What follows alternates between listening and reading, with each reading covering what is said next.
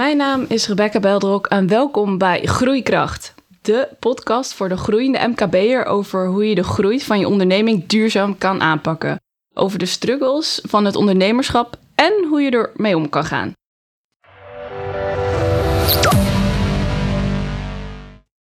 We moeten het even hebben over zelf doen versus uitbesteden. De gast van vandaag weet daar alles van. Lekker doen en gas geven. Honderdduizend ideeën, maar weinig kaders. What you see is what you get. Een eigentijdse bosbeep met een passie voor sport. Stefana Boot, welkom. Dankjewel.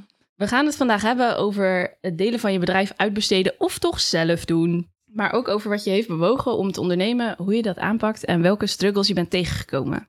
Dat is flink wat.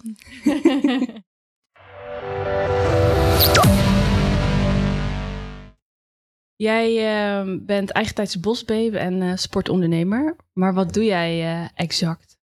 En nou, exact. Exact. Te veel dingen eigenlijk om op te noemen. Nee, ik heb een, eh, een eigen sportschool in Hartje, Rotterdam. Rotterdam Gym heet het ook. En dat is eigenlijk net even een andere sportschool dan je gewend bent. Dus een grote zaal met uh, bokzakken, grote kooi, waar we eigenlijk uh, voornamelijk groepslessen geven, personal trainingen en normaal gesproken heel erg richten op de bedrijven.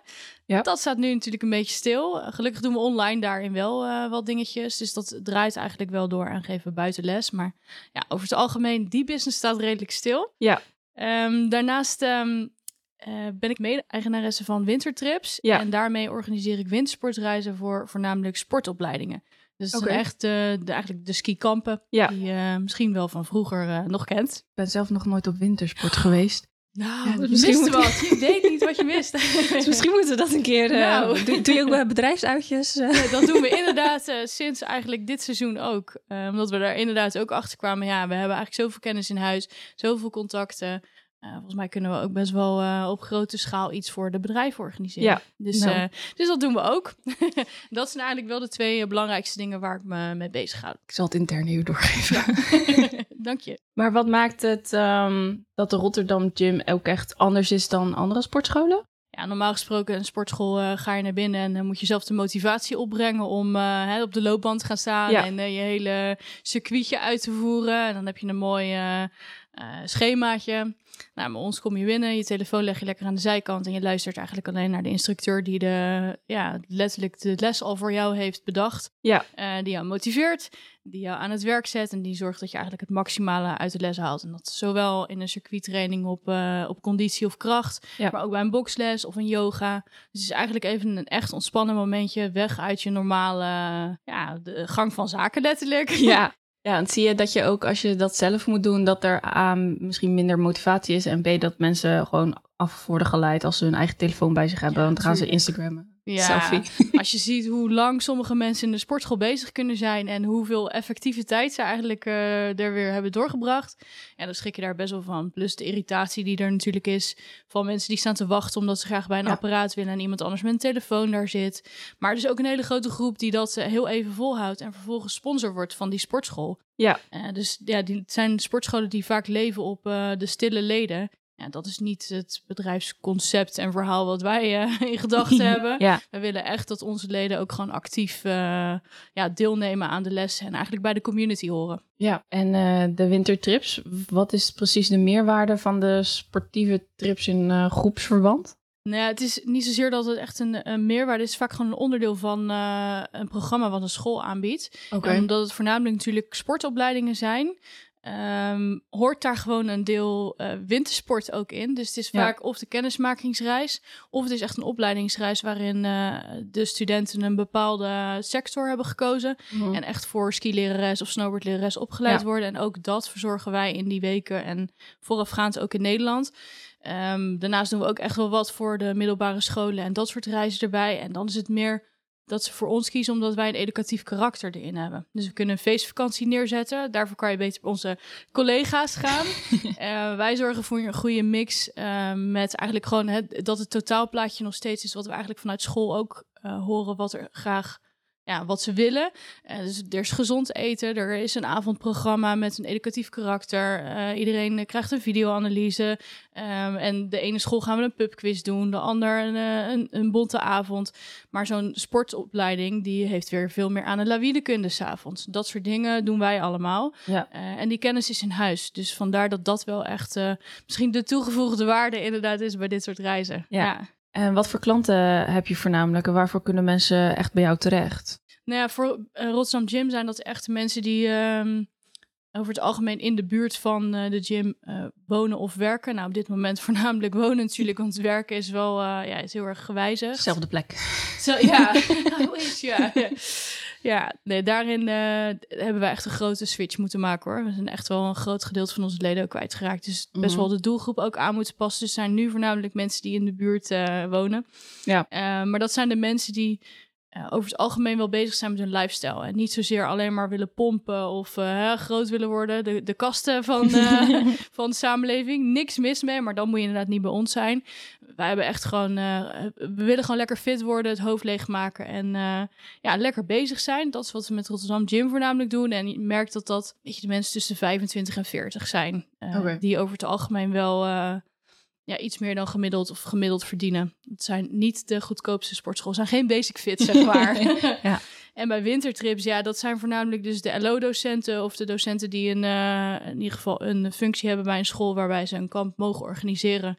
En dan gaan we eigenlijk gewoon letterlijk in gesprek met ze om uh, te kijken hoe wij voor hun uh, ja, de reis zo neer kunnen zetten dat het aansluit bij de wensen van de school. Dus er is geen reis hetzelfde. Ja. ja, het wordt gewoon helemaal op maat gemaakt. En dat is hetzelfde wanneer er een bedrijf bij ons uh, aanklopt en zegt: hey, we willen iets leuks doen.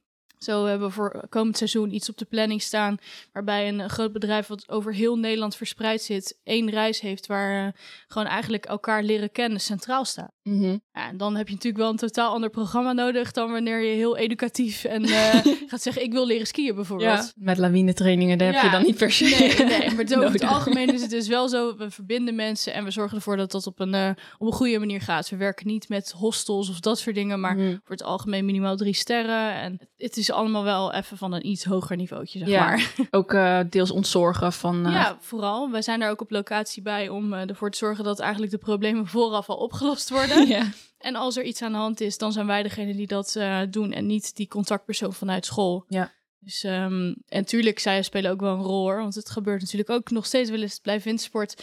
Dat er iets met uh, botbreuken bijvoorbeeld uh, aan de hand is. Ja, dan Ja. is het natuurlijk wel belangrijk dat er een, een docent uh, daar een rol in speelt. Maar dan kan de rest van de reis gewoon Mhm. ja, doordraaien. Doordat er iemand vanuit ons op locatie is. ja, mooi. Ja. En nu heb je de kennis die je de afgelopen jaren hebt vergaard als ondernemer gebundeld om andere ondernemers te helpen. Kun Ja. je daar iets meer over vertellen? Ja, nou ja, eh, tien jaar ondernemen is niet niets. en ehm, ik ging eh, tijdens de eerste lockdown eigenlijk een beetje eh, ja, ging aan de slag met een coach. En eh, die zei, maar wat heb je nou eigenlijk allemaal gedaan? En op een gegeven moment ga je voor jezelf opschrijven wat dat nou werkelijk is en welke kennis je in huis hebt. En begin dit jaar ben ik daar meer in gedoken. En toen dacht ik, ja, ik- er is zoveel kennis en zoveel vallen en opstaan geweest, dat het zo tof zou zijn als je daar ook iets mee zou kunnen doen. Mhm. En ik ben altijd best wel positief geweest, en, of geweest, nog steeds eigenlijk wel. Het kost nu iets meer moeite. Ja, Eh, maar daarin merk je wel dat je andere ondernemers kunt inspireren en kunt helpen om eh, ja, een stap in de goede richting te zetten. En eh, dat was hetgeen waarvan ik dacht, ja, als ik die mensen nou net even kan koppelen aan de juiste persoon, of ik kan die mensen net even meegeven eh, hoe ik bepaalde dingen heb gedaan, of hoe ze anders kunnen kijken naar dingen, of mijn eh, honderdduizend ideeën die ik zelf nog niet uit kan voeren. Als iemand anders daar nou iets aan heeft, dan eh, één, ik ben het kwijt. nee, dat is, dat is natuurlijk onzin, maar het is wel fijn dat je iemand anders kunt helpen met diegene, ja, met die dingen die je eigenlijk al allemaal hebt gedaan. Ja, en waarom heb je besloten om dan ook eh, mensen op ondernemersvlak te eh, ondersteunen eh, naast het sporten? Ja, omdat ik zelf ehm, mezelf ook veel meer als ondernemer zie dan die trainer of diegene die echt in de sport werkzaam is. Ik, Hm. ik ben echt wel de ondernemer daarin. Ik heb heel lang het imago gehad van de trainer met een sportschool, maar dat ben ik gewoon niet. Ik geef al jaren geen les meer. Eh, meer zeg maar als ik eh, ook in de sneeuw sta, we springen even bij. En als er echt in de gym iemand eh, niet opkomt dagen of iets dergelijks. eh, het is wel eens voorgekomen dat ik een, eh, in mijn kokerrok letterlijk uh, een les stond te geven omdat de instructeur er niet was. Kijk, dat soort momenten dan, omdat je het gewoon nog steeds kunt, doe je het. Ja. Maar dat is niet hetgeen wat mijn core business zeg maar eh, eh, moet zijn. Ik ben niet op de voorgrond bezig. En daarin heb ik juist ook mijn kennis heel erg opgedaan. Het aan mijn bedrijf werken is hetgeen waarin ik ja, het sterkste ben. En ik merk dat daar heel veel ondernemers mee geholpen zijn als ze Mhm. leren hoe ze dat moeten doen. Ja, je hoeft het niet allemaal alleen te doen. Nee, exact. nou ja, dat is de, de grootste les geweest voor mij in de, in de afgelopen jaren. Eh, mijn holding heet heel leuk zelf doen, omdat mijn eerste woorden ook zelf doen waren. Van mij ook. ja, wie niet hè? Een beetje ondernemend persoon wilde alles zelf ontdekken, toch? Ja. Nee, ik merkte gewoon dat dat... eh, je wil in de eerste instantie alles zelf doen en, eh, en dan loop je tegen zoveel muren tegelijkertijd aan. Dat schiet gewoon niet op. En dan, eh, dan, dan denk je bij de tweede keer wel, ja, moest ik dit nou inderdaad echt zelf doen? Dus dat zijn wel dingen waar ik heel veel van heb geleerd. En door dan een groep mensen om je heen te verzamelen die wel die kennis hebben en datzelfde hebben meegemaakt, kom je er in één keer achter, hm, misschien had investeren inderdaad wel handig geweest. Of als ik de basis had geweest, dan had ik de juiste persoon erbij kunnen zoeken. Ja. Dus dat soort dingen zijn bij mij veel meer geworden van samen doen in plaats van eh, zelf doen. ja. En welk resultaat eh, zie je graag dan bij de ondernemers die je helpt? Ja, dat hetgeen waar zij tegenaan zijn gelopen, dat dat een eitje in één keer is. Dus dat ze eigenlijk denken van, oh ja, als ik dit eerder had geweten, dan had ik die stap ook al eerder kunnen zetten. Het is vaak net even dat eh, het, het wakker laten worden van, bepaalde dingen of het van een andere ehm, hoek laten zien. Ja. Dus ik wil ze wel verder helpen. Het is echt niet dat ik eh, wonderen kan verrichten, want uiteindelijk moeten zij het wel zelf doen als ondernemer. Ja. Eh, en ik ben zomaar iemand die ja, even komt vertellen van zo zou je het ook kunnen doen. Maar dat zijn wel vaak de, de dingen waardoor je anders gaat denken of anders gaat kijken naar, eh, ja, naar je hele bedrijf en de inhoud daarvan. Even frisse blik, Ja, nieuw perspectief. juiste tools ja. ook. Hè? Het kan Mhm. ook gewoon zijn dat het bijvoorbeeld op financieel gebied niet lekker zit. Nou ja, het is een simpel rekensommetje voor mij, maar het kan voor iemand eh, heel moeilijk zijn om bijvoorbeeld het verdienmodel goed neer te leggen. Mhm. Eh, of als je zo lang al tegen een bepaald iets met je personal branding aanloopt, je zit zelf heel vaak in een, ja, moet je het zeggen, in een kader. Hè? We kijken niet verder dan datgene waarmee we bezig zijn. Ja. En als iemand anders even over je schouder meekijkt of een spiegel voorhoudt, dan ben je vaak al geholpen. Ja. En dan maak je grote stappen. En die wil ik graag zien.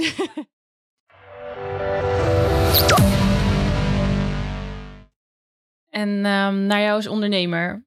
Wat heeft jou doen bewogen om uit loondienst te stappen en voor jezelf te beginnen? ja, nou, dat was een mooie reis. Ik heb inderdaad eh 4,5 jaar, 5 jaar in loondienst gewerkt in de schoenenbranche. Dus ook een hele andere sector eh, waar ik in zat. Wat ik onwijs leuk vond. En op een gegeven moment door een, eh, een fusie, eigenlijk of een overname, werd ik mijn functie ergens ondergeschoven en waren mijn, was mijn perspectief in groei weg. En toen heb ik echt een jaar in de auto gezeten. Oké, dit is niet wat ik wil en ik wil echt iets anders gaan doen. Ik wil voor mezelf beginnen. Toen heb ik allemaal testen gedaan. Van Wat nou eigenlijk als bedrijf, ja, wat, wat past bij je als Ja. Eh, is dat een bedrijf waarin eh, bepaalde facetten zitten? Nou, dan krijg je een opsomming van wa- wat het eigenlijk moet zijn voor jou als persoon. Nou, die stonden echt letterlijk 180 graden op de dingen die ik aan het doen was. Toen dacht ik ook, hey, dit werkt niet. En toen zei eh per slot van rekening mijn opa tegen me... Oh, jouw opa. Ja, jij kan echt niet voor een baas werken. Dat had ik gewoon nooit gezien.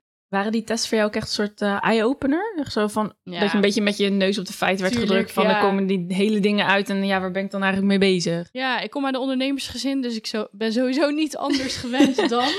Eh, en dan ga je in één keer in loondienst werken en dan loop je tegen dingen aan eh, die een soort van wegstopt. Want je denkt van, nou, we doen alles voor het resultaat, maar er stond niet iedereen hetzelfde in. En dan onderaan de streep, weet je, aan het eind van de maand kreeg iedereen wel hetzelfde op de rekening gestort, of, hè, voor jezelf. Mhm. Maar het is niet als jij harder hebt gewerkt dat er ook meer tegenover stond. En dat waren bij mij al de eerste dingen waarvan ik dacht, ja, ik heb het niet zelf in de hand. zelf doen, hè? ik heb het niet zelf in de hand. En dat waren wel dingetjes die me heel erg deden twijfelen. En toen ik het eh, onder elkaar zo zag staan in die test en die gesprekken met eh, mijn toenmalige coach had, ja, toen dacht ik wel, hier moet echt iets in veranderen. Alleen ik had echt geen flauw idee wat. En toen ben ik op een gegeven moment gewoon veel verder gaan kijken naar mogelijkheden ook gewoon die binnen je eigen ja, werkgebied en wat komt er nou voorbij. Ik geloof niet zo heel erg in, eh, in toeval, maar ik geloof wel in het feit dat je deuren op een kier kunt zetten en ze vervolgens open kunt trappen. Dat Ja. is exact wat ik gedaan heb toen. ja. Hoe ben je dan ook bij, eh, bij je passie terechtgekomen? Bij, bij, ja, je bent begonnen bij de sport dan? Ja, in eerste instantie niet. Mijn eerste bedrijf was online marketing. Mhm. Ehm, ik deed naast zeg maar het hele schoenenbranche en ik deed trendwatching en inkoopendeel. Uh, deed ik ook de opzet van social media en het informeren van, uh, nou ja, eigenlijk leden. Ik werkte bij een inkooporganisatie. Zaten allemaal uh, eigenaren van schoenenwinkels. Van letterlijk comfort tot vrij hip. Ja. En die moesten in één keer allemaal, dat was ruim tien, ruim, ruim tien jaar geleden. durf niet te zeggen, joh, ik voel me gelijk zo oud. maar die moesten beginnen, zeg maar, met het hele stukje Facebook en uh, YouTube kwam dan ook wel weer voorbij. En wat, wat, moeten we nou wel en wat moeten we nou niet? Mhm. En toen ging ik vanuit die inkooporganisatie, uh, ging ik presentaties geven over hoe je nou eigenlijk mee kon gaan in je marketing en marketing dus in kon zetten via je socials. Ja. Het was echt het begin van uh, hele social media, hè? dus Ja. totaal anders dan dat het nu is.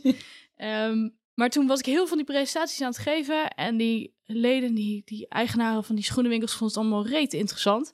Maar die hadden echt nog steeds geen flauw idee. Want ik geloof natuurlijk alleen maar hele globale informatie. Want dat is wat er van mij verwacht werd. Maar ja, om het echt uit te voeren, daar hadden ze de juiste persoon vaak niet voor. Of ze zeiden zelf, ja, ik, dit is zo ver van mijn bedshow, dit ga ik niet doen. Ja. En toen dacht ik in één keer, oké, okay, daar zit dus een, uh, een gat, zeg maar. Ja. een gat in de markt, daar moet ik iets mee doen. En toen ben ik in de eerste instantie wel in overleg. Want voor jezelf beginnen als je nog een loonies bent, dat uh, is altijd wel een gevoelig onderwerp. Mhm. Uh, maar toen ben ik mijn eigen uh, online marketingbedrijfje. Toen was het nog echt bedrijfje. Ik kreeg altijd echt mijn nek aan gaan overeind staan als iemand dat zegt. Maar dat was echt heel klein. Toen ben ik letterlijk schoenenwinkeliers en andere bedrijven gaan helpen met het opzetten van hun strategie en de hele visuals. Nou, dat werd op een gegeven moment zo groot dat ik 24/7 nog weer aan het werk was. En dat er gewoon ja, in mijn eigen bedrijf meer binnenkwam. Nou, en toen dacht ik, oké, okay, dan uh, gaan we nu de keuze maken. En dan gaan we, uh, ik ging toen van vijf dagen terug naar vier. Toen dacht ik, ja, ik doe hetzelfde werk van vijf dagen in die vier. Dat hou ik niet vol. En ik probeer dan ook Ja. nog s'avonds de rest te doen. Het is gewoon klaar. Ik moet die stap nu, uh, nu zetten. En dat heb ik toen gedaan. En achteraf, ja, toen kwam ik erachter dat ik die inspiratie uit die modebranche, hè, die schoenen, toch best wel miste voor hetgeen wat ik aan het doen was. En toen ben ik meer les gaan geven erbij. Dat deed ik altijd al. En ergens was dat het stukje wat ik nodig had om, uh, ja, om weer een breder misschien kader of zo te hebben. Om de inspiratie gewoon uit te halen en meer te kunnen doen. Ja. En zo ben ik uiteindelijk weer, uh, weer bij, bij, de sport, sport terechtgekomen. ja. ja. Mijn toenmalige um, man eigenlijk, toen de tijd, die um, werkte toen al in de, in de sportbranche fulltime. En had ook personal training uh, bedrijf opgezet. En uh, uh, deed wat voor een franchise van de Bootcamp Club. En toen dacht ik op een gegeven moment, ja, maar volgens mij als wij dat samen doen, kunnen wij dat ook. Nou, en toen was eigenlijk het eerste bedrijf samen, uh, ja, ja, letterlijk uh, stond in de kinderschoenen en geopend. ja, maar de tijd in loondienst, die heeft je wel geholpen om uiteindelijk te gaan ondernemen. Of heb je daar spijt van gehad? Dan had je gewoon gelijk moeten gaan ondernemen. Nee, nee, zeker niet. Um, sowieso in die periode, volgens mij was dat echt de economische crisis toen ik uh, begon met werken. Dus ik was afgestudeerd en ik kreeg eigenlijk vanuit mijn, uh, mijn stage de mogelijkheid om mijn eigen functie helemaal op te zetten. En ik wilde heel graag iets met reizen doen en uh, trends. Nou ja, dat was de perfecte start voor dat moment. Terwijl ik eigenlijk in mijn achterhoofd ook altijd wil nog een masterjaar doen in, in Londen. Dat was helemaal niet handig, want toen dacht ik, ja, dan kom ik terug en dan uh, heb ik wel universitair uh, iets afgerond, maar ja, niemand die mij aan wil nemen, want op dat moment was de markt gewoon niet goed. En toen dacht ik, nee, ik ga er nu gewoon voor en ik ga zo beginnen. En ja, ik was 21, dus de, het, het, is ook niet dat op zo'n moment iets fout kan doen of iets dergelijks, maar dat voelde voor mij het beste, omdat ik het idee had dat op dat moment gewoon uh, ja, de banen niet voor het oprapen lagen. En dat Ja. merkte ik ook echt wel bij de ja, studiegenootjes die ook afgestudeerd waren en die niet gelijk uh, aan de baan kwamen. Ja, precies. En daar ben ik achteraf heel erg blij mee geweest. Want dan doe je toch wel in nou, die vier, vijf jaar heel veel ervaring op. Ja. En misschien ook wel heel veel ervaring in dingen zoals je ze niet graag zou willen doen. maar dat vind ik misschien nog wel de belangrijkste ervaring. Ja, dat is ook waardevol. Je Ja. weten wat je niet wilt of kunt. Ja, nou ja, maar ook gewoon in het runnen van een bedrijf. Dingen die ik zag gebeuren en hoe er met personeel omgegaan werd. Daar heb ik wel heel veel van geleerd. En altijd gedacht van oké, dat is niet hoe ik het zou willen doen. Heb je daar een voorbeeld van? Ehm, nou, ik heb een, ehm, een directeur gehad op een gegeven moment die mij letterlijk gewoon in Italië heeft laten staan. Zo van, ja, zoek het maar uit hoe je, hoe je daar komt, want ik ben nog, eh, ik ben nog even ergens anders. Nou, vul hem zelf maar in wat hij aan het eh, doen was. Heftig. Ehm, maar da- ook dan ben je dus, volgens mij toen ook gewoon nog 1 of 22, sta je in Italië met blond haar, blauwe ogen.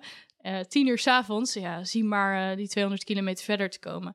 En dat soort dingen zijn wel dingen dat ik altijd denk, iemand in de startende functie moet je echt begeleiden. En Mhm. dat is ook wat ik deze tijd heel erg zie. Mensen worden zo losgelaten omdat ze gewoon die senior naast zich missen. Ja. Ja, en dan denk ik, ehm, daar zouden we wel echt, eh, daar zouden we anders mee om moeten gaan. En dat is één klein voorbeeldje. Ik heb er Mhm. nog veel meer. maar het heeft allemaal wel te maken met de manier waarop je met mensen omgaat. En Ja. ik kan het ook niet altijd even goed doen, want het is ook maar net hoe je natuurlijk eh, in je vel zit en, eh, en wat er om je heen gebeurt. Maar het zijn wel dingen die mij heel erg gemaakt hebben tot de persoon ja, wie ik nu ben. Ja. Tegen welke uitdagingen loop jij als ondernemer aan? Eh, nou ja, vroeger was dat echt wel dat ik alles zelf eh, wilde doen. En dat ik daar dan te lang mee bezig was. Of dat het uiteindelijk resultaat niet goed genoeg was. Of in ieder geval dat ik vond dat het niet goed genoeg was. Ehm, en dan vond ik de keuze maken zeg maar, van het uitbesteden heel erg moeilijk. Van waar zit nou die balans? Hè? Wanneer ga je iemand inzetten? En ehm, ik noem dan eigenlijk altijd het voorbeeld van een accountant. Als je aan het eind van een jaar kijkt wat je betaalt aan een goede accountant, dan is dat altijd voor je gevoel te veel. Alleen als je erin zou verdiepen, dan ben je zoveel uren kwijt om al die regeltjes en dingetjes uit te zoeken, dat een accountant je eigenlijk altijd een soort van geld oplevert. En dat was bij mij de eerste eye-opener dat ik dacht, ja, op sommige dingen moet ik niet alles zelf willen doen, maar moet ik inderdaad eh, de, juiste, eh, ja, de juiste mensen inzetten. En dat vind ik nu nog wel eens lastig om die beslissing te maken. Want Ik wil vaak de basis wel weten, omdat ik mee wil kunnen praten met degene die tegenover me zitten en die eh, ja, mij moeten vertellen wat er letterlijk gaat gebeuren. Ja. Dan moet ik wel een beetje weten wat ik graag zou willen dat er gaat gebeuren. Ja. Dus ergens is dat altijd een beetje een balans. En dan de juiste persoon vinden om iets, eh, ja, iets voor jou te doen, vind ik ook altijd wel een, eh, een interessante. Ik ben altijd wel van het lokaal ondernemen en mensen die zichzelf bewezen hebben ook daarin ja, gewoon een goede kans geven. Ik ben niet altijd eh, de grootste feminist, zeg maar. ik vind het gewoon belangrijk dat ik de juiste persoon op de juiste plek heb zitten. En of dat Ja. nou een man of vrouw is, dat maakt mij niet zo heel veel uit. Ik vind gewoon als je je werk goed doet, dan, eh, Dan doe je het goed, klaar. dan doe je het goed, inderdaad. Ja. dan vind ik het heel tof als je een vrouw bent die het goed doet. Maar het is voor mij geen pre, zeg maar. Dat soort Mhm. dingen. En op dit moment mijn grootste uitdaging wel dat ik heel erg te maken heb met mensen om me heen die ehm, ja, zich niet altijd goed, even goed in kunnen leven in de situatie waar we op dit moment in zitten. Ik kan eh, over een jaar gezien al ruim een half jaar mijn werk zeg maar niet uitvoeren op de manier zoals ik dat wil Mhm. mijn passie niet echt eh, tot zijn recht laten komen. Ik mis letterlijk als ik op kantoor zit. eh, ik kijk dan altijd letterlijk de zaal in van de, van Ja. de gym. Ja, ik mis de energie die er dan is. En ehm, dan kom je wel eens thuis en dan heb je het daar met vrienden over. En dat is zo'n andere wereld waar ik dan in zit en waar je in zit als jij de muren op je af ziet komen omdat je al een jaar thuis aan het werken Mhm. bent, maar nog steeds wel je werk gewoon kan doen. Ja. Mm, En dan het hele financiële stuk wat daar nog bij komt kijken. Ja, dat is best wel eens lastig en dat is echt wel een uitdaging. En dan is het echt zo gigantisch fijn om mensen om je heen te hebben die begrijpen in welke schoenen je staat. En ja, misschien zelf wel in een vergelijkbare situatie eh, staan. Dus een, een groepje mensen om je heen vinden die, eh, ja, die jou supporten. Dat is voor mij wel echt eh, ja, het belangrijkste op dit moment. Ja, maar iedereen heeft denk ik nu wel de eigen uitdagingen. Want ook mensen die, godzijdank wel, blijven kunnen Ja. werken, maar die ook thuis zitten, die, die eh, betekent niet dat het makkelijk is. Zeker niet. En dat, eh, dat begrijp ik. Ik kan me heel goed inleven in andere mensen. Ja. En ook in de situatie waar, eh, je, toen de kinderopvang gesloten is, maar er wel eh, als werkgever hè, verwacht je wel dat eh, de werknemers het werk gewoon maar even Mhm. deden. Dat gaat niet zo Nee. op die manier. Eh, of inderdaad, als je inderdaad al een jaar thuis zit en je moet nog steeds hetzelfde werk doen, maar de muren komen op je af en je ziet diezelfde ja, collega's eigenlijk alleen maar in een Zoom-meeting Ja. heel specifiek voor hè, hetgeen waarvoor het 2D. nodig is. Ja. Maar dat praat je bij het koffiezetapparaat niet. Eh, daar word je ook een stukje eenzaam van. Ik, Ja. Dat begrijp ik ook. Dus het is niet alleen maar het stukje inleving naar mij toe, hoor, maar gewoon naar elkaar in deze situatie. En vooral in de eerste lockdown met de eerste opzeggingen die bij ons binnenkwamen, heb ik eh, echt wel een aantal opmerkingen naar me toe gekregen dat ik dacht, wauw, hoe kun je zoiets zeggen? Dat we bijvoorbeeld geld jatten als we iets nog door incasseren, terwijl wij, nou, we hadden binnen een week een hele online gym staan, we hadden online lessen, we hadden echt alles wat je kon bedenken, dat was er. Mhm. Dus er stond gewoon een waarde tegenover. En ik moest mijn trainers ook gewoon betalen om dat voor elkaar zien te krijgen. Ja. Eh, en dat je dan mij uh, neerzet als iemand die zeg maar geld jat. Dan denk ik, ja, als jij daar niet voor wil betalen en die waarde niet in wil zien, prima. Hè? Dan inderdaad zeg je abonnement op pauzeren of wat dan ook. Maar waarom moet je iemand zo Ja, de manier waarop. Ja. ja. En dat is maar een klein voorbeeldje. Ja. Het zijn er echt heel veel geweest. En uh, dat vind ik wel in het afgelopen jaar. Ja, we missen gewoon een stukje inleving in elkaar eigenlijk. Ja, en het gesprek voeren. menselijkheid. Ja, ja. Ja, maar wat ik in mijn omgeving zie is ook van je, je gaat de meeting in, je doet waarvoor je die meeting hebt ingeschoten en dan ga je er weer uit. Ja. En je hebt inderdaad die koffiezetapparaat. Gesprekken heb je niet meer. Nee, totaal en dat, niet. dan mis je toch een beetje een stukje menselijkheid in, Ja. in je bedrijf. Ja, want de vraag hoe gaat het met je, die is Ja. heel makkelijk te antwoorden. Zeker eh, als jij naar een eh, scherm zit te kijken. Ja, hoor, gaat goed. goed. Maar ja, je hele mimiek zegt vaak iets anders. En dan hoe gaat het echt met je? En dan heb je een heel ander gesprek. En die gesprekken, die voeren we niet. Nee. Het is een beetje menselijkheid. eh Ja. Nu dat iedereen thuis zit, er mag wel iets meer. Ja, absoluut. Wat is de belangrijkste ondernemersles die je hebt geleerd? Ehm, ja, dat is al één, hè, dat je niet alles zelf hoeft te doen. Maar voor mij is het voornamelijk dat je eh, zoek iemand om je heen of meerdere mensen om je heen waarin je echt op ehm, ja, met gelijkgestemden kunt sparren. En ik heb heel veel gehad aan een vriendin van mij die eh, helaas tijdens de eerste lockdown haar hotel failliet moest verklaren. Ehm, maar zij heeft mij echt wel er doorheen gesleurd en letterlijk de juiste vragen gesteld. Maar ook mijn ogen geopend in de zin van welke situatie eh, sta je waar in en, en wat kun je allemaal doen? Wat zijn je mogelijkheden? Zie je je mogelijkheden? En durf jij op een gegeven moment ook de stekker eruit te trekken als jij een juiste berekening hebt gemaakt? Met, nou ja, als ik nog zoveel maanden zo doorga, eh, dan is dit wat er onderaan de streep gebeurt. En dat heeft een effect op de komende hoeveel jaar in je leven, zeg maar. Ja. Eh, zij heeft daarin wel heel erg mijn ogen geopend, maar ook de, echt letterlijk mij op sleeptouw genomen om ehm, ja, de juiste benadering te pakken. En Ja. ik denk dat zulke mensen om je heen, zo heb ik er nog wel een aantal, ja, die zijn heel waardevol. En zeker Mhm. in tijden zoals deze, maar eigenlijk altijd wel. En ik merk dat ik altijd wel mensen om me heen heb gehad, maar niet altijd de juiste personen.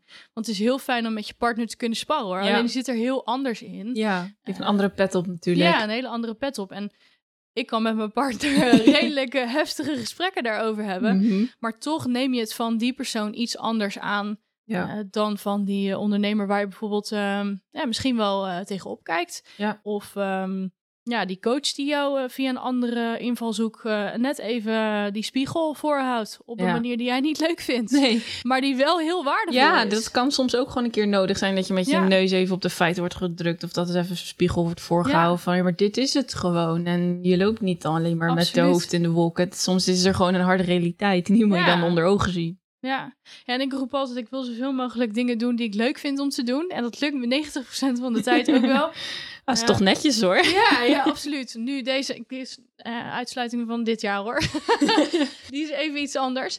Ehm, maar dat lukt me ook niet zomaar. Hè? Dat Mhm. moet er ook. Ik moet ook gewoon nog 10% dingen doen die ik niet leuk vind. Ja. Ehm, en ik, in die 90% van de dingen die ik wel leuk vind, hebben we het er niet over wanneer ik dat doe. Ja, ik sta soms overdag eh, lekker op de golfbaan. Of ik ga tussendoor een keer naar Oostenrijk als het kan. Alleen betekent wel dat als ik terug ben, dat ik heel veel werk in te halen heb. En dat ik Ja. avonden door zit te werken. En daar wordt niet naar gekeken, zeg maar. Mhm. En dat maakt me ook helemaal niet uit. Want voor mij is het een weegschaal. Work hard, play Ja. hard. Maar dat is wel net de insteek die je hebt en hoe je het wilt doen. En hoeveel je wilt eh, ja, laten meegaan door andere personen, zeg maar. Mhm. Wat zij ervan vinden. En welke ondernemerstips zou je onze luisteraars eh, mee willen geven? Nou ja, zorg dus voor gelijkgestemde Ja. mensen om je heen. Dat eh, vind ik altijd een hele belangrijke. Eh, en ga ook aan de slag met een coach. Ook al denk je dat je er goed voor staat. Maar het is zo fijn om, om regelmatig gewoon inderdaad die spiegel voor je te hebben. En ja, om te kijken of dat je die weg waar je op gaat ook anders zou kunnen bewandelen. En of je dan nog steeds tevreden bent over de weg die je aan het bewandelen bent. Doe niet alles zelf. En daarin doe wel de basis zelf. Dat vind ik wel een belangrijke. Weet in ieder geval wat er speelt en, eh, en dat je mee kunt praten. Ja. Dat je echt wel duidelijk de lijnen uit kunt zetten. ja, zoals bij de accountant. Je moet een beetje weten hoe de Ja. belasting in elkaar zit. Waar, hoe je geldstromen werken. Maar je hoeft niet elk klein Nee, voorschriftje, regeltje, wetje te, te zeker weten. niet. Maar het is heel fijn als je dan een, eh, een bespreking hebt over je jaarverslag. Dat je wel enigszins begrijpt waar het vandaan komt. En Ik geef heel eerlijk toe, dat wist ik een paar jaar geleden ook niet hoor. Want als je begint met ondernemen, komt er zoveel op je af. En dan moet je zoveel regelen. En dan zit je inderdaad op dat moment bij je accounts. En dan komt er gewoon een heel groot vraagteken boven je hoofd. Ja, en dat zijn dingen die je op een gegeven moment met de jaren ook wel leert. Maar het is fijn als iemand je dan uh, op zo'n manier ook coacht. Ja. En Even Jip en Janneke taal. ja, even Jip en zit Janneke taal. Ik heb letterlijk de coachende accountant. en dat is, het werkt ontzettend fijn. En dan kun je Mhm. gewoon zeggen, oh jongens, even stoppen. Even weer terug eh, naar de basis. Hoe werkt dit ook Ja. weer? Zie je die blank stare die Ja, hier op zijn gezicht zit? En durf dan ook te vragen. En ik denk dat dat de allerbelangrijkste is. Durf hulp te vragen. Ja. Tuurlijk ben je ondernemer en tuurlijk ben je hè, die dominante persoon die alles allemaal beter kan dan de rest. Maar je hoeft het echt niet zelf te doen. Je, Ja. je kan echt wel af en toe die hulp gewoon Ja. even inschakelen. En als jij een strategie hebt neergelegd, iemand anders er naar laten kijken. Of als je die accountant gekozen hebt en daarmee aan de slag bent gegaan en je denkt, hm, ik weet het helemaal niet, ik weet niet of dit wel goed gaat, maar je hebt er geen verstand van, schakel je iemand anders in. Mhm. Maar ja, laat mensen meekijken. Laat mensen ehm, jou helpen, letterlijk. En, en laat het ook echt toe. En daarom ben ik zelf ook wel een tijd schuldig in geweest hoor. Dat ik, eh, dat ik wel vroeg, maar dat ik dacht, ja, maar ik weet het toch allemaal wel beter. Ja, dat werkt niet. Ga je micromanagen? al Gaat Ja. het goed? ja, het is toch wel fijn om het dan ook echt aan te nemen eh, van de anderen. Anders heeft het geen nut. Ja, het is absoluut een leerproces. En dat lukt allemaal niet in het eerste jaar. En dat hoeft ook helemaal Nee. niet. Maar sta er wel voor open. En, eh, en stapje voor stapje leer je al die dingen meenemen. Ja. Ja, maar hoef, je hoeft het niet zelf te doen. Dat is echt het belangrijkste. En als je nu vooruitkijkt naar je branche, eh, welke ontwikkelingen verwacht jij? Ja, dit is in mijn branche een hele lastige. Ehm, omdat we nog steeds niet weten welk, eh, ja, welk moment we open mogen. Korte termijn eigenlijk. Hè? Eh, Dat moment dat we open mogen, dat is heel erg cruciaal voor de maanden daarna. Want in de sport heb je vaak een, en dan heb ik het even over de gym, drie piekmomenten in het jaar. Dat is januari, mei en in september. Ja? Ja, Waar komen die vandaan dan? nou, januari hoef ik denk niet uit te leggen. Mei is net voor de vakantie, de zomervakantie. Oh, en dan weten we dat de bikini ja. eh, inderdaad. Dus dan moet er weer even nog eh, vaak zo'n eh, tien weken geknald worden. Omdat iedereen dan denkt, beter in het veld zitten. Nou, niet alleen denkt, dat zit Ja. je dan ook. Maar hou het vol, jongens. en dan september hebben we net de foto's gezien van de vakantie. En dan zijn we toch niet helemaal blij met dat ja, hè, bikini lichaam. Ja. Eh, en dan gaan we toch wel weer eh, iets meer eh, aan de bak. En dat is vaak ook een moment, nieuw schooljaar voor de kinderen. Oh ja. En daarin gaan bijvoorbeeld de ouders vaak weer een beetje mee. Dan zetten we ook weer nieuwe doelen. Dus het is niet alleen maar 1 januari. Maar dat is nu wel een hele belangrijke. Als wij, ehm, eh, we hebben de piek van januari gemist. Gaan we de piek van mei weer missen.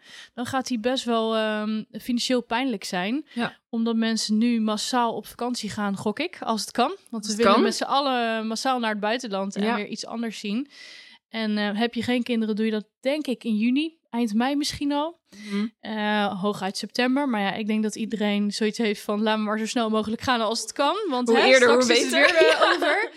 En dan krijg je de grote bubs in juli en augustus. En dat Ja. betekent dus een lange periode dat je ja, niet standaard naar de sportschool gaat. Je zal regelmatig gaan, maar als je dan die drie weken gaat... dan ben je ook die drie weken niet daar. Mhm. En start je dan nog wel als je net twee weken daarvoor eh, eh, te horen hebt gekregen dat je gym weer open is. Ja. Dus dat zijn voor mij wel dingen dat ik denk, ja, het moet wel op korte termijn gebeuren. Want anders missen we dus het hele moment tot aan september weer. Ja. En dat hebben we vorig jaar ook al gehad. En die eh, was niet fijn. Want het moment dat je open gaat met je gym, ga je volle bak kosten draaien. Ja. Ehm, nu kunnen we natuurlijk iets eh, schalen ook in. Ik werk vooral met freelancers, hè, dus eh, het is uurtje factuurtje. Dus worden er minder uren gedraaid. Nou, dan hoef ik die ook minder te betalen. Nou, er staan nu 7 uren les tegenover normaal 32. Nou, als dat weer moet gaan draaien, dan moet er ook een omzet tegenover staan. En eh, als die er niet is, wordt dat wel spannend. Dus dat vind ik er eentje voor, ja, korte termijn, maar wel de toekomst. Wij zijn heel erg op de achtergrond bezig met alles optimaliseren. Want ik vind ook wel dat als je een half jaar dicht bent, dan heb je eigenlijk een half jaar hè, letterlijk een cadeautje van de staat gekregen om eh, zo hard mogelijk te werken eh, om alles op de achtergrond helemaal in orde te hebben. Dus in ons geval betekent dat dat eh, de website aangepakt wordt, Ja. fotografie, dat eh, Gewoon intern Ja, administratie. Echt letterlijk dat er hele mail sequences worden Ja. gebouwd. En dat dat soort dingen, dat als we open gaan, we weer volle bak mogen knallen. Ja. En op de lange termijn denk ik dat dat een hele belangrijke is. Dat gewoon veel meer dingen gedigitaliseerd en geautomatiseerd zijn. Maar dat er nog steeds een bepaald stukje persoonlijk contact in zit. En dat is waarom ik een heel platform heb laten bouwen, wat over mijn ledenadministratie heen gaat. Ehm, en daar komen eigenlijk soort ja, ehm, to-do's uit, Mhm. waar ook gewoon letterlijk in staat, ehm, die persoon is al zo lang niet geweest, ja, die gaan we geen mailtje sturen, die gaan we even bellen. Ehm, iemand heeft een proefles wel aangevraagd of een first-timer les, Mhm. maar die is nog steeds niet geweest of heeft hem niet ingepland. Kan zijn dat hij ergens tegenaan loopt. Die moeten we bellen. Dus we zijn veel meer aan het kijken naar welke momenten moeten we echt persoonlijk aandacht geven en wat kan gedigitaliseerd worden. En als dat dan onderaan de streep weer uit een, eh, ja, eh, uit een systeem komt, dan is dat heel fijn en ook schaalbaarder dan Ja. dat je alles zeg maar bij moet houden in één Handmatig in Excelletje. ja, exact. Ja, dus dat zijn dingen die in de toekomst denk ik heel erg belangrijk zijn. Maar vooral ook wat er op de vloer gebeurt. Ik denk dat veel meer eh, de lifestyle en de community belangrijker is dan alleen maar hele goede lessen neerzetten. Ja. Die zijn belangrijk, maar het moet samenvallen. Ja. Dat is waarom je ergens blijft. En welke ontwikkeling zou je zelf nog graag willen zien of zelfs teweeg brengen als je dat kan? nou, we hadden net al een stukje over inleven. Eh, nee, ik, voor mij is het belangrijk dat, dat de boel weer enigszins normaal wordt. En dat we gewoon weer ons leven op kunnen gaan pakken. En ik denk dat het gaat nooit meer zo worden zoals het was. Maar Nee. echt een ontwikkeling teweeg brengen vind ik op dit moment heel moeilijk om te zeggen. Ik zou willen dat veel meer ondernemers aan hun bedrijf gaan werken en eh, daarin zien waar de groeipotentie zit. En dat we veel meer als ondernemer gaan werken dan alleen maar die persoon die in het bedrijf staat en het leuk vindt om een bedrijf te hebben. Mhm. Eh, want daardoor kan de economie volgens mij gewoon nog wel een stukje verder groeien dan, eh, ja, Ja. dan waar we nu zitten. Gaan we nodig hebben ook. gaan we heel hard nodig hebben. Ja. En welk eh, toekomstplan heb je voor jou, voor je bedrijf? Nou ja, Bedrijven? Bedrijven, ja. nou ja, ik, hiernaast heb ik dus eh, nu de ondernemertrainer opgezet, waarbij ik inderdaad dus eh, eh, ondernemers, vooral Train. in de... ja, train letterlijk, voornamelijk nu in de sportbranche, maar dat kan natuurlijk ook daarbuiten zijn. Want ik vind dat ook wel een hele belangrijke... eh, je kan zoveel meer leren vanuit andere branches. Ja. Dus het is heel fijn om te blijven sparren met mensen om je heen die iets totaal anders doen. Dus zie dat ook als een, als een voordeel van mensen om je heen verzamelen. Ehm, maar daar ben ik heel erg druk mee bezig om dat goed op te zetten. En eh, daar starten nu ook al een aantal trajecten mee met eh, een aantal sportondernemers om ze echt op weg te helpen. Het is nu natuurlijk een heel ongelukkig moment omdat het ja, op de achtergrond voornamelijk allemaal is. Ja. Ehm, maar daarin ben ik ook wel bezig om samen met een eh, vriendin van mij die ook in de sportbranche iets doet, meer richting personal branding een heel traject op te gaan zetten met workshops en seminars en dat soort dingen. Mhm. Als we straks weer dingen mogen gaan organiseren op locatie. Ja. Eh, dus de, als zeg maar de ondernemertrainer staat er een hele hoop eh, op de planning. Nou, voor wintertrip staat er eigenlijk ook al een hele hoop op de planning. Maar dat is letterlijk ja, een stukje doorschuiven van afgelopen seizoen Ja. eh, en toevoegen. En het is gewoon cross the fingers dat we ja, naar het buitenland wachten mogen. tot het mag en dan kan je Ja. gewoon gelijk eh, dingen gaan inplannen. Absoluut. En dat is ook een hele lastig om in één seizoen in één keer op te schalen, doordat alles is opgeschoven. Want Ja. als er nu een aanvraag binnenkomt van een paar honderd man, ja, zie het maar eens te vinden. Weet je wel, een locatie die het eh, beschikbaar heeft. Is zoveel nu gereserveerd. Dus dat zijn wel ook interessante dingen. Dus eh, wil je nog een reis organiseren, moeten we dat op tijd doen. Maar het is allemaal te regelen. En daar zijn we druk mee bezig om eh, wel eh, naar meerdere locaties te kijken. Dus ja, wij zijn heel erg aan het wachten tot we weer echt officieel die kant op mogen. En dat alles up and running is, zodat we echt nieuwe locaties kunnen bekijken. Mhm. En voor de gym heb ik sinds 1 januari een compagnon eh, erbij om eh, inderdaad samen gewoon meer gas te gaan geven. En eh, ja, het bedrijf letterlijk weer op te kunnen gaan bouwen. Want Ja. ja, in zoverre, we zijn gewoon even weer een paar jaar terug in de tijd. Daar, zo zie ik het eigenlijk. En Mhm. ik denk wel dat als we weer terugkomen, dat we in één keer ja, gigantisch mooie stappen kunnen zetten. En daar heb ik heel veel zin in. Als je mag, dan ga je gelijk vlammen. Ja, dan echt duizend procent. Ja, nee, alles staat letterlijk klaar. Je, de, de mailtjes en de, de social posts voor eh, een heropening zijn er gewoon. Weet je wel? Ja. Het is echt gewoon wachten totdat we mogen. En, eh, ja, en dan plan A, B, C, D, weet je wel zo. Ja. Maar eh, ja, als het kan, dan, dan gaan we. Oké, nou dankjewel. Jij bedankt.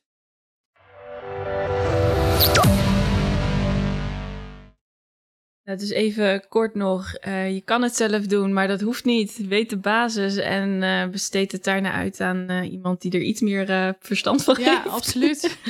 En vooral blijf menselijk naar je contacten Ja. binnen en buiten. Ja, ja, ik denk dat dat een goede omschrijving is. Ja. Nou, dankjewel voor je tijd en tot ziens. Yes, tot ziens.